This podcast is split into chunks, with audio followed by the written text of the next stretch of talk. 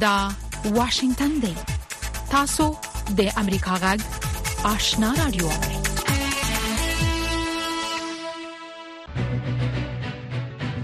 درنو اوریدونکو ستړي مشئ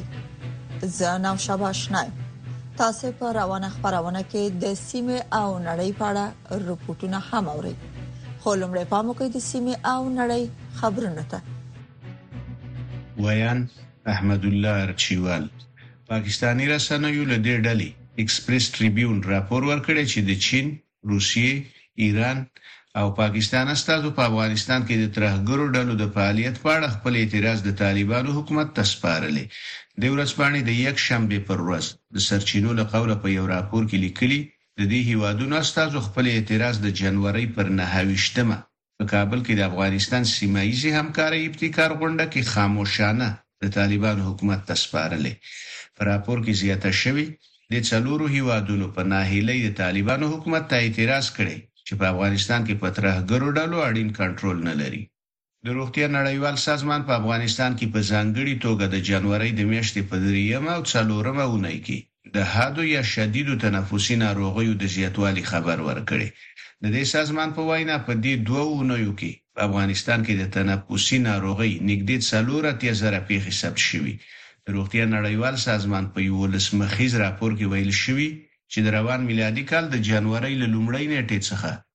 تر اووه یشتمې نېټې پورې په افغانستان کې د شدیدې تنفسي ناروغیو په اړه زر اووه سوه شپږ پنځوس پېښې ثبت شوي چې له امله یې په ټولو څلور دېرش ولایتونو کې درې سوه درې اتیا کسان ترې مړه شوي. په سوریه کې د ایران د سپاه پاسداران د ځواکونو پر مرکزونو د امریکا د بریدونو په ترڅ کې د پاتیمیون لښکر د یوه جګپوړي غړي د وژل کېدو خبر ورکړل شوی له افغان وسله والو له جوړ دغه ځواک د ایران د سپاهي پاسداران انقلاب په قدس څانګې پورې تړلی. د ایران لپاره د ازادۍ راډیو د فاردا څانګې پرون په خپله ایکس پاڼه یا پخواني ټویټر کې د ایران د فارس خبري اژانس له قوله لیکلي چې د فاطمیون لښکر دغه وژل شوی جګپوړی غړی سید حمزه علوي نومیده چې په دیارلس سوه اووه دېرش کال کې د افغانستان په پروان ولایت کې زیږیدلی و. د استرالیا یوې محکمې نن د هغه استرالیايي سرتېري د استیناف غوښتنې بهیر پیل کړی چې په افغانستان کې په غیر قانوني توګه د څلورو افغانانو په وژلو تورن شوی. د دغه هېواد د ځانګړو ځواکونو پخواني ډلګي مشر بن رابرټ سمیت چې په افغانستان کې یې د خپلو فعالیتونو په خاطر د ویکټوریا کراس په نوم یو لوړ پوځي مډال هم تر لاسه کړی. درې ورځپاڼې او د هغوی خبریالان د هغو مقالو او راپورونو لپاره تورن کړي چې دی په افغانستان کې د جګړې د اصولو خلاف د ولسي افغانانو په وژلو تورن کړی. نوموړي دغه راپورونه غلط بللي او ویلي دي چې هغه د هغو ناکامو سرتېرو د ادعاوو پر اساس برابر شوی چې د ده د ستاینې پر مډال یې حسادت کاوه. له امریکا غږ څخه خبرونو ته دوام ورکوو. د پاکستان خیبر پښتونخوا ایالت پر ډېره اسمېل خان کې د پولیسو پر یوې تاڼې په وسله وال برید کې له لسو څخه زیات پولیسو ته مرګ ژوبله اوښتې. د ځايي پولیسو ادارې نن دوشنبه رسنیو ته په یوه استولي بیان کې ویلي، چې وسله والو تېره شپه شاوخوا درې بجې په درابڼ سیمه کې پر تاڼه برید وکړ، چې په پایله کې لږ تر لږه لس پولیس وژل شوي او شپږ نور ټپیان شوي. د درابڼ د پولیسو د مشر مرستیال ملک انیس الحسن ویلي، چې د امنیتي ځواکونو او برید کوونکو ترمنځ نښتو یو ساعت دوام وکړ، چې پکې برید کوونکو له لاسي بمونو هم کار واخیست. په سوریه کې د امریکا له ملاتړه برخمنو د کردانو په مشرۍ ځواکونو نن وویل، چې پر ویاډي د بې پیلوټه الوتکو په یوه برید کې شپږ غړي وژل شوي، د رويټرز خبري اژانس د راپور لمخې دوو سیمه ییزو سرچینو ویلي دي چې د غبري د سوریې د حکومت تر واک لاندې دایر الزور سیمه کې تر سره شوه ول شوی چې په دې سیمه کې د ایران ملاتړ هغه ډلې فعال دي چې اکثره وختونه بریدونه تر سره کوي دوی ویل د غبري د علمر د تیلو په ساحه کې په یوې پوزي اکیډمي چې د امریکا په یو اډه کې موقعیت لري شوې ده په غزا کې د اسرایل او سخت دریزه حماس ډلې ترمنځ د جګړې له تیزېدو سره په سیمه کې د ایران ملاتړو ډلو چې د فلسطینیانو ملاتړ کوي شخړو ته مخه کړې ده ناشاباشنا امریکا غاک واشنگټن د اوکراین ولسمشر ولادیمیر زيلنسکي وایي د ګڼو لوړ رتبه چارواکو د بدلولو پر موضوع غور کوي نوموړي دا خبره په هغه مرکه کې وکړه چې پرون خپره شوه. هغه ویلي، یوازې په پوځ کې لوړ رتبه چارواکي نه بدلوي، بلکې په نورو څانګو کې هم خلک بدلوي چې مشخصه شي څوک د اوکراین رهبري کولی شي. ترکیې مصر ته د خپلو هغو بې پیلوټه الوتکو چې خورا زیات محبوبیت لري، د ورکولو هوکړه کړې. ترکیه او مصر تر یوې لسیزې کړکېچ وروسته خپلې اړیکې عادي حالت ته راګرځولي. ټاکل شوې د ترکیې ولسمشر رجب طیب اردوغان له خپل مصري سیال عبدالفتاح السیسي سره د کتنې لپاره د فبرورۍ میاشتې پر څوارلس مه مصر ته سفر وکړي. د لوبو له ډګره وروستی خبر دا دی چې د افغانستان او سریلانکا ترمنځ یواځنی ټېسټ په څلورمه ورځ د کوربه لوبډلې په بري سره تمام شو. سریلانکا د افغانستان د شپږ پنځوس منډو هدف پرته د کومې وېکټې له سوځېدو پوره کړ. او په دې سره یې په لومړي ځل په ټېسټ لوبه کې افغانستان ته ماته ورکړه. یاده سیالي چې د فبرورۍ په دویمه نېټه پیل شوې وه، په چای کوربه لوبډلې ګټلې وه او د توپ اچونې پرېکړه یې کړې وه. دا و د دې ساعت خبرونه چې تاسو ته هم په واشنګټن کې د امریکا غږ له سټوډیو وړاندې کړل. د سیمې او نړۍ خبرونه مو واورېدل، پام وکړئ د سیمې او نړۍ په اړه رپوټونو ته. د طالبانو حکومت پر افغانستان باندې د اقلیم د بدلون د اغیزو د چیړلو لپاره پر روانه ونې کې د ننګرهار په پانتون کې یو نړیوال کانفرنس جوړی د طالبانو د حکومت د لوړو زده کړو وزارت وایي چې د اقلیم مسله یو انساني مسله ده او نړۍ باید د سیاسي انګیرونو پرته افغانستان سره د دې ستونزې په کابو کولو کې مرسته وکړي نور حال زموږ د همکار اکرام شینواری پر رپورت کې د طالبانو د حکومت د لوړو زده کړو وزارت او د چاپیریال ساتنې ملي ادارې چارواکو د دوشنبه په ورځ کابل کې خبر اعلان ته د ننګرهار پانتون په نوښت پر روانه ونې کې پر افغانستان د چاپیریال د غیزو د سیرول لپاره د یو نړیوال کانفرنس د جوړېدو خبر ورکړ د طالبانو د حکومت د لوړو زده کړو وزارت مرستیال ډاکټر لطف الله خیرخوا خبريالان ته ویل چې په دې کانفرنس کې به د افغانستان د یو شمېر پانتونو د استادانو په ګډون د اصول سلويخ په شاوخوا کې مقالې او سیلینیز راپورونه وړاندې شي هغه ویل چې بهرني او کورني کارپوهان به په انلاین بڼه په دغه کانفرنس کې خپل نظرونه شریک خو موږ په دغه کانفرنس کې کوشش کوو چې په علمي لحاظ او د استادانو په متواصلو څېړنو کې، دا تقریباً یو کال کېږي چې دې موضوع ته کار روان دی، استادان څېړنې کوي، بهرني استادان هم لګیا دي، د موږ خپل داخلي استادان هم لګیا دي، تقریباً د یو سلو څلوېښت په شا او خوا کې څېړنې دي چې د ژوند په مختلفو اړخونو سره تړاو لري او د موږ قدرمن استادان به هغه خپل علمي نتایج اسلامي امارت پالیسي سازو ادارو سره شریکوي چې په رأس کې یې د چاپیریل ساتنې محترمه اداره ده. په همدې لحاظ موږ غواړو چې د دې موضوع یو اهمیت په په کور دننه ثابت شي، عامه آګاهي وشي او دوهمه دا ده چې دا موږ یو ناره پورته کړو چې دلته بشر متضرر دی. ښاغلي خیرخوا د اقلیم بدلون یو حیاتي او د افغانستان په ملي قضایو کې شامله موضوع بلله او زیاته کړه چې د دې مسلې سره باید سیاسي چلند ونه شي خو دا موضوع تر سیاست ډیره بشري ده انساني موضوع ده انساني ټولنو ته په دې کې ډیر سخت زیان رسیږي او رسیدلې ده او لاندې عمل چې نړۍ د دې قضیه سره یو ډول ته سیاسي تعامل کوي او د ویدایي په توګه د دې استفاده کوي ډېر هغه بشري اړخونو ته په دې کې رسیدګي نه کېږي او نه هغه هېوادونو ته چې هلته ټولنې ډېر په ډېر بدترین شکل متضررې دي او باید هغوی ته خپل حق ورکړل شي او په دغه په دغسې موضوعاتو کې یاد کړل شي دوی نه یادوي. دغه راز د طالبانو د حکومت د چاپېریال ساتنې ملي ادارې مرستیال مولوي عبدالسلام حقاني خبریالانو ته وویل چې افغانستان د نړۍ په هغو څو هېوادو کې شامل دی چې د اقلیم د بدلون د اغیزو زیات زیان لیدل خو د اقلیم په بدلون کې د دغه هیواد ونده د هیڅ په حساب ده هغه ویل چې د دې کانفرنس له لارې نړیوال ته دا پیغام رسول غواړي چې اقلیمی بدلون یو بشري او انساني موضوع ده او دې موضوع ته باید له سیاسي پلوه ونه کتل شي د نړۍ په سطح او خصوصا د افغانستان په سطح زموږ تاسو هغه طبيعي یخچالونه اوس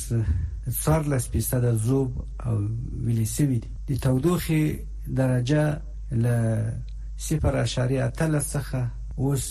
یو اعشاریه اته ته رسېدلې چې نوي نوي فیصده زیادت ښیي نو د مځکې د کورې تودوالی دې درجې ته رسېدلی دا تودوالی او دې تودوخې اثراتو له وجې څخه زموږ تاسې تقریبا یوویشت میلیونه خلک د اوبو له کمښت سره مخامخ کړي چې د افغانستان نیم نفوس لا زیات ښیي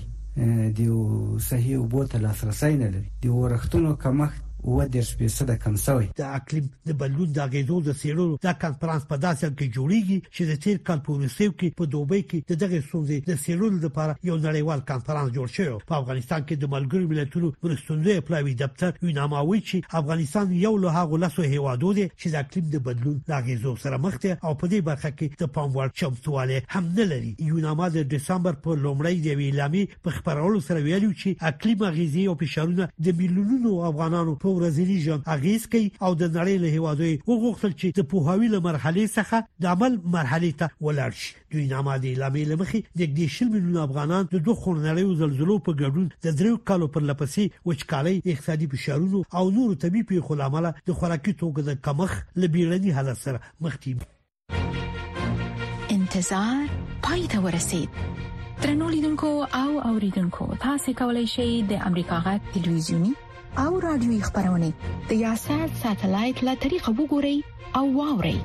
د نوي ساتلایت لارې تاسو د آشنا اتصال او کاروان ټلویزیونی خبرونه کتلای هم شئ د امریکا غږ د افغانستان څنګه خبرونه په 398 چینل او د آشنا رادیوي خبرونه په 390 شنل کې اوریدلای شئ لملتيامو د تل پشان مننه تاسو زموږ غږ د واشنگټن د سټډیو نه اورئ د امریکا ولسمشر جو بایدن ویلي چې په سوریه او عراق کې د ایراني پلاوا ملیشو پر مرکزونو بریدونه د ځواب ویلو پیل دی او خای نور اقدامات هم وکړي امریکایي متقاعد جنرال مارک کیمن امریکا غاک ته په یو ځانګړي مرکه کې ویل چې د دې ډلو په نخښه کول به دومره د پاموړ نظامی اغیز ونه لري خو وایي چې امریکا د ایران سره جګړه نه غواړي زموږ همکار نظرانه یوسف زید جنرال مارک کیمن سره مرکه کړې ده چې تاسو پامه اوریدو ترګرځم ډیر مننه ستاسو د وخت نه په سوریه او عراق کې کوم هدفونه په نخښه شوي او دا اهداف د ایران له نظره او هم دغه ډول د متحده ایالاتو له نظره څومره مهم دي تر ټولو لومړی زه فکر کوم هغه څه چې راپور ورکول کیږي هغه دا دي چې په سوریه او عراق کې د کومندو ځنې پوستې د توپخانو مرکزونه او د تحریک ځواکونو ځنې لوجستیکي مرکزونه په نخښه شوي دي زما په فکر متحده ایالاتو لا تر اوسه پورې یو عمومي ارزونه نه ده کړې چې څومره مهم ځایونه یې په نخښه کړی دي خو په واقعیت کې هغه څه چې عراق او ایران ویلي هغه دا دي چې دوی وايي دا د دوی په حاکمیت تیری دی او همدغه ډول دا ډیپلوماټیکي سرغړونې دي زما په فکر دا دومره د پام وړ نظامی اغیز نه لري په هر صورت زه به یادونه وکړم چې متحده ایالاتو ویلي چې دا عملیات به د یو څه وخت لپاره دوام وکړي وخت به ونیسي چې موږ د دې عملیاتو د اغیز په اړه پوه شو نو موږ د یوې شپې د عملیاتو قضاوت لا تر اوسه نشو کولای لکه څنګه چې تاسو ویل چې دا عملیات کې دی شي د څو وخت لپاره دوام وکړي آیا دا فکر کوئ چې کوم خطر شته چې د ایران سره په مستقیمه شخړه بدل شي زه فکر کوم چې دا به ایران وی چې د مخامخ کېدو پریکړه وکړي او له همدې امله دا به زیاته بهتره وي چې د ایران پښتنه وشي چې دوی څه غواړي په حقیقت کې امریکا په ښکارا ویلي دي چې له ایران سره جګړه نه غواړي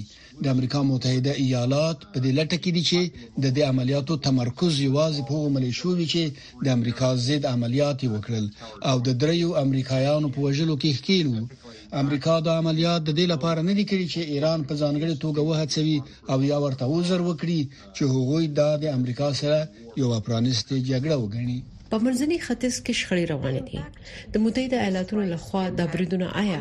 د منځني ختیځ په جګړه څه اغیز کولای شي په سیمه کې په ځینو ځانګړو ځایونو کې شخړې شتون لري لکه په یمن کې د حوثي اغیانو سره شخړه او لکه د عراق او سوریې ترمنځ په پوله شخړې روانې دي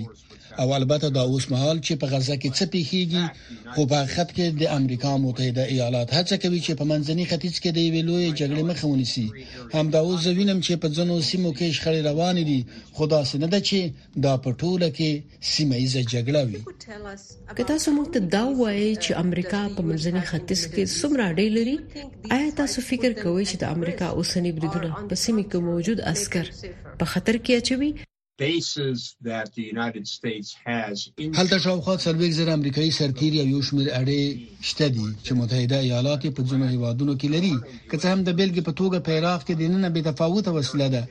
او دلته امریکایي سرتیري شتون نه لري په عراق کې د هغوی خپل اډې دي چیرې چې امریکایي ځواکونه د روزنې مرستې او لوجستیکي ماموریتونو ترسره کوي ځینې هیوادونه شته دي چې پکې په حقیقت کې اډې شته دي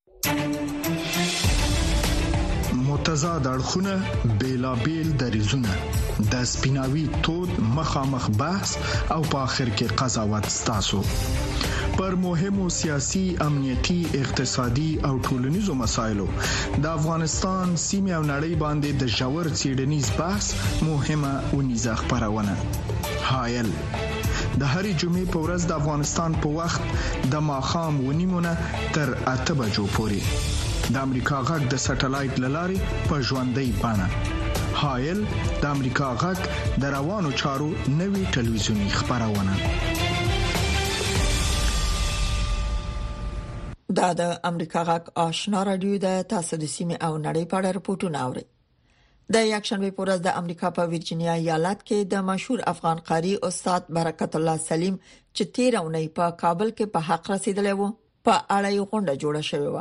د غونډې برخوالو د ارواخات برکت الله سلیم د ورتیا خدمت او شخصیت ستاینه وکړه نور حال پر پورت کې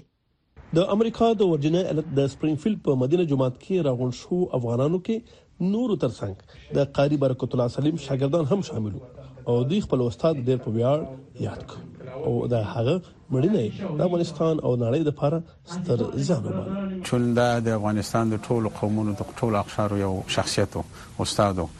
هغه په ټولو باندې حق لري نو دا هغه د یادونه په خاطر باندې هغه ته د دعا په خاطر باندې د ختم د قران شریف د ختم په خاطر باندې دلته مدینه مسجد دغه انتظام ونیو او د دوستانو خو د دې جی منطقې د مسلمانانو افغانانو په په مرسته او د هغوی په مشوره او په لارښوونه د قاری صاحب د یادونې او د هغه د خدماتو د هغه د لاسته راوړنو او د هغه د لارې د ژوندۍ ساتلو په خاطر باندې دغه تصمیم نیول شوی دی او دغه پروګرام نن دلته دایریږي ان شاء الله د قاري برکت الله سلیم په یاد غونډه کې برخه والو د ارواښاد د روح د ثواب په موخه د قران پاک ختم وکړ او راغلو قاریانو د قاري برکت الله سلیم په طرز د قران مجید قرات هم وکړ.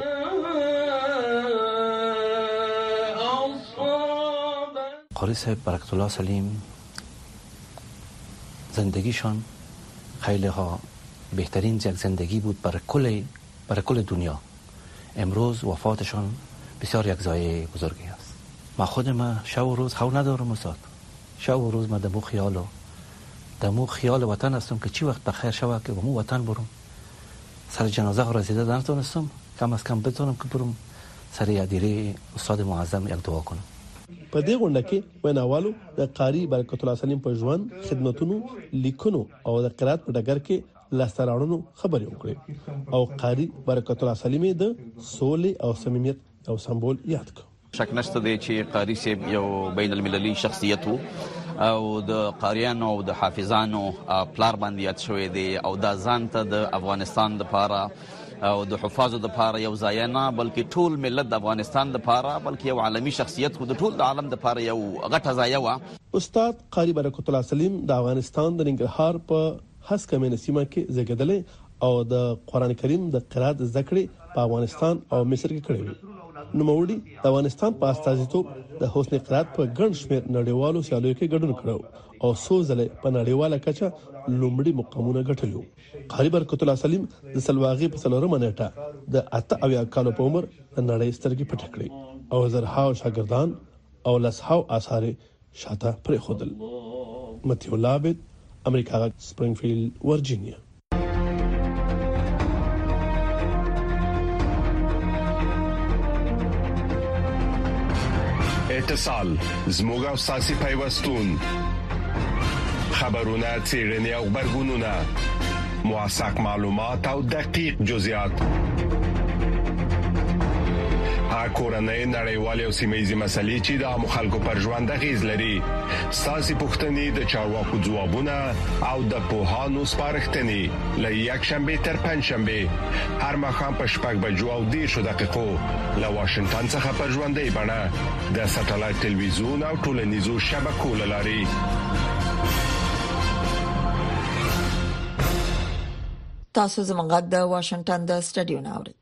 برتانیا اوس د افغانانو لپاره یو پردی یا بیگانه هیواد نه دی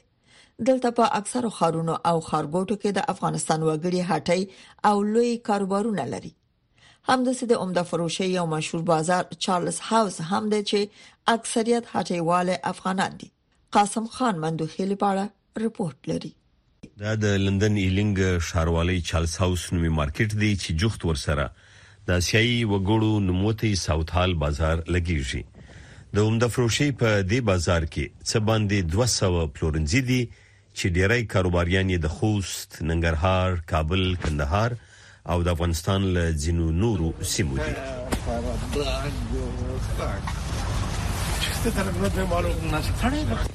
له نن نږدې دوې لسیزې وړاندې دا سیمه یو غټ ګدام و، خو د افغانستان وګړو په خپل زیار،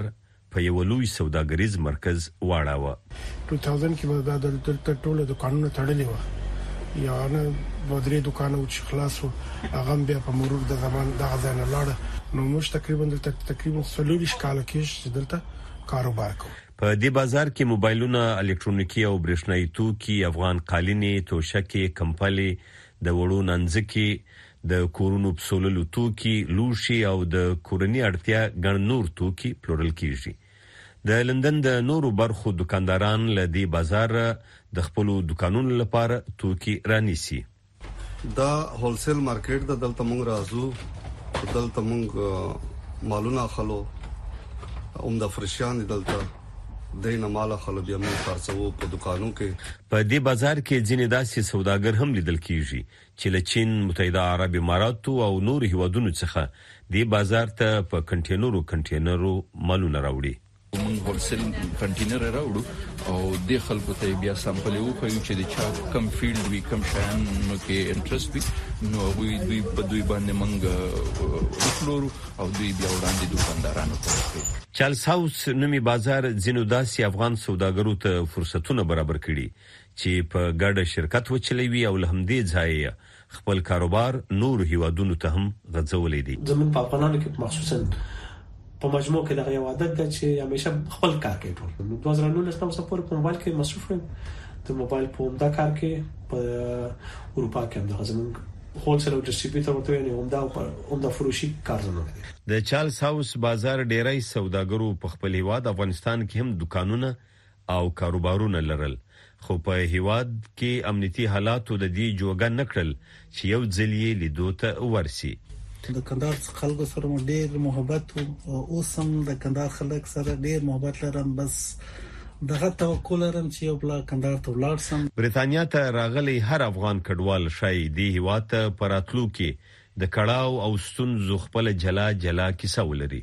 خو د دې کاروبار په غوړولو کې د دوی ستړي او زیار په دې بازار کې له ورایه لیدل کېږي. قاسم خان مندوخېل، امریکا غږ، لندن. نن او وضعیت د نړۍ سیمه او د افغانستان پر روانو چارو او د ننني وضعیت په حق لا خبرونه راپورټونه مرکه او تحلیلونه هر شپه 9 بجې د امریکا غږ آشنا رادیو نه اوري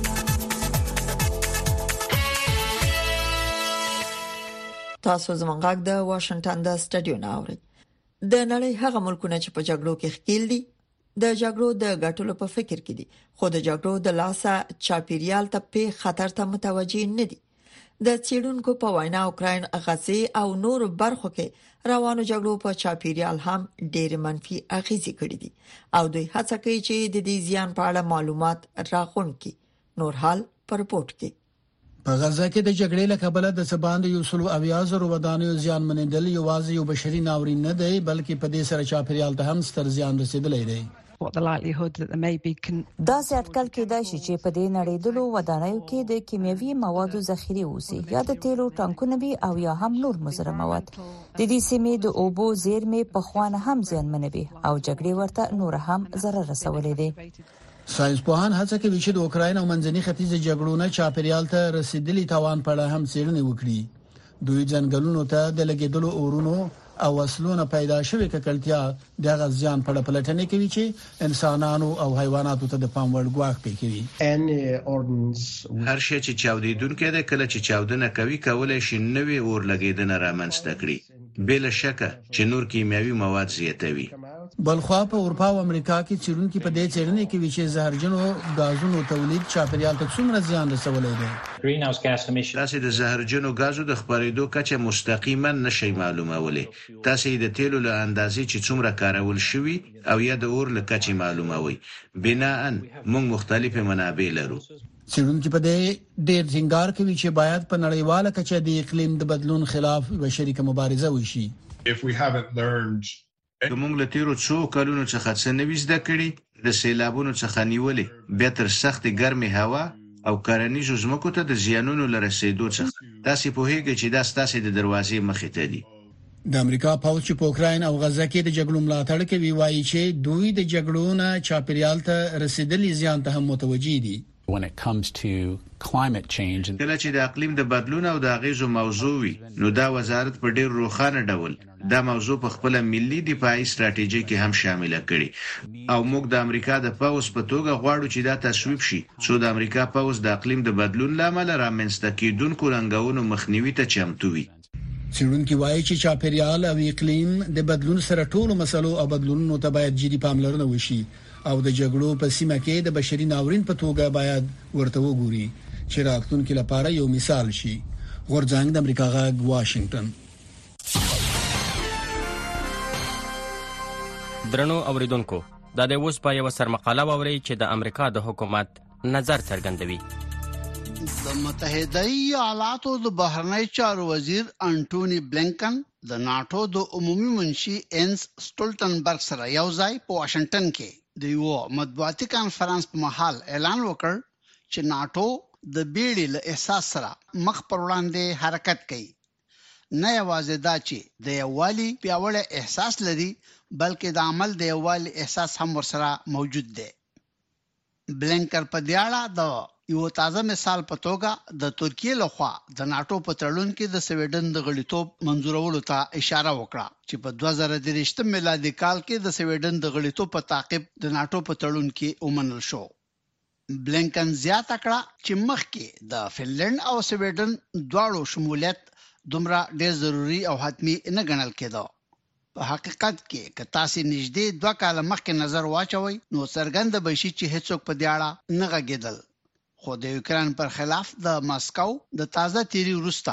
دواړو هېوادونو د دې احساس وکړ چې د خپلو خلکو د دفاع لپاره د ناټو په تړون کې شمولیت په څرګنده توګه په خیر او ګټه دی. د متحده ایالاتو د بهرنیو چارو وزیر وویل چې هغه او د ناټو سرمنشي سټولټنبرګ له اوکراین سره د ناټو د نه لړزیدونکي ملاتړ په هکله وغږیدل. د بهرنیو چارو وزیر زیاته کړه چې ناټو تیره اونۍ د یو اعشاریه دوه میلیارد ډالرو په ارزښت د توپچي ځواکونو لپاره د دوه لکه او شل زره فایره مرمیو جوړولو قرارداد لاسلیک کړ. دا به له متحدینو سره مرسته وکړي چې خپلې جبه خانې په مرمیو سمبال کړي او د دفاعي تولیداتو د بهیر د ګړندي کولو په خاطر د متحده ایالاتو، ناټو او اوکراین د هلو ځلو برخه ده. موږ په داسې حال کې چې مخ پر وړاندې حرکت کوو، دا به په خپله ناټو او هم یې ټولو انډیوالانو ته د راتلونکو ګواښونو په وړاندې د زیات مقاومت توان ور په برخه کړي.